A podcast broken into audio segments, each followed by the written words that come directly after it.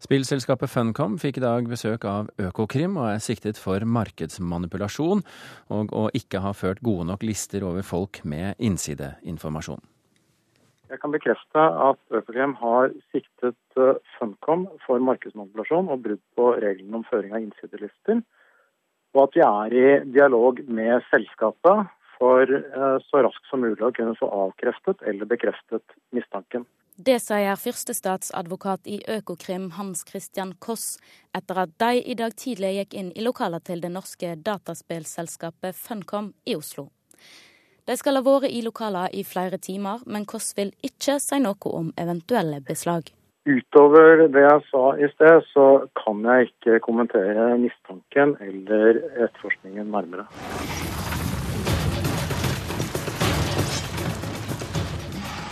Funcom er sikta for å ha manipulert markedet i året før og to måneder etter lanseringa av storsatsinga The Secret World i juli 2012.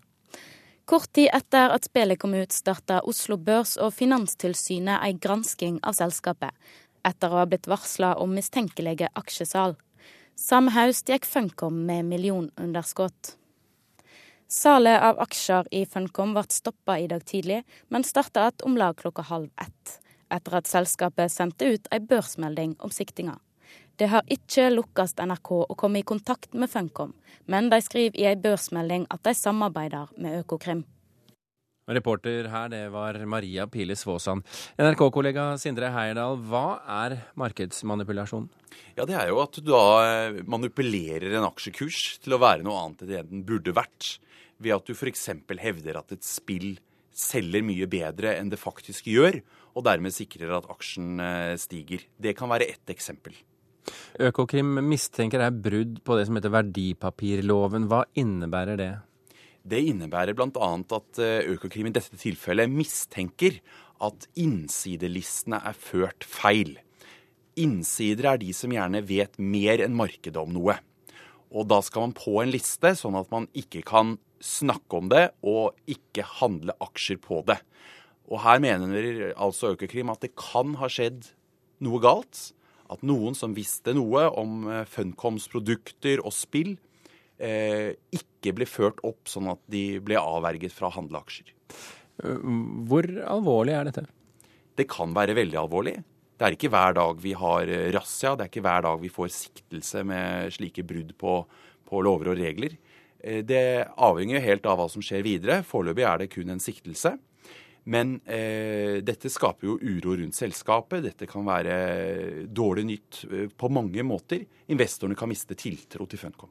Ja, hvilke konsekvenser kan det få i det videre? Det er sånn at eh, Du er helt avhengig av som et børsnotert selskap at investorene tror på deg for at du skal få inn nye penger. Og For Funcoms del er det jo fryktelig viktig å hente inn de pengene man trenger for å utvikle nye spill. Spill i dag er jo blitt en fryktelig dyr greie, som man samtidig kan tjene mye penger på. Men du trenger mye penger for å lansere nye produkter, nye spill, nye løsninger. Og da må du ha investorer som tror på deg, og som er villige til å putte pengene i bedriften din på lang sikt. Spillaksjer er jo kjent for å være risikable og volatile, men de tiltrekker seg ofte investorer likevel, fordi at oppsiden, altså det de kan tjene på det, oppsiden er så stor. Kan det hende at denne type investorer ikke så lett lar seg skremme av en sak som dette likevel? Ja, Jojo-aksjer, som eh, vi kan kalle det, har jo det at de ofte tiltrekker seg spekulanter. Folk som er ute etter kortsiktige gevinster. Og det går an å tjene på at en aksje faller også, hvis du plasserer pengene på det motsatte. Så eh, en del eh, spekulanter kan synes det er eh, spennende og attraktivt at den aksjen bølger mye fram og tilbake. Men for å tiltrekke seg penger på lang sikt, og når du trenger å utvikle ting over lang tid, så bør man ha ro, og en ganske stabil aksje er da en kjempefordel. Sindre Heyerdahl, takk for at du kom og orienterte.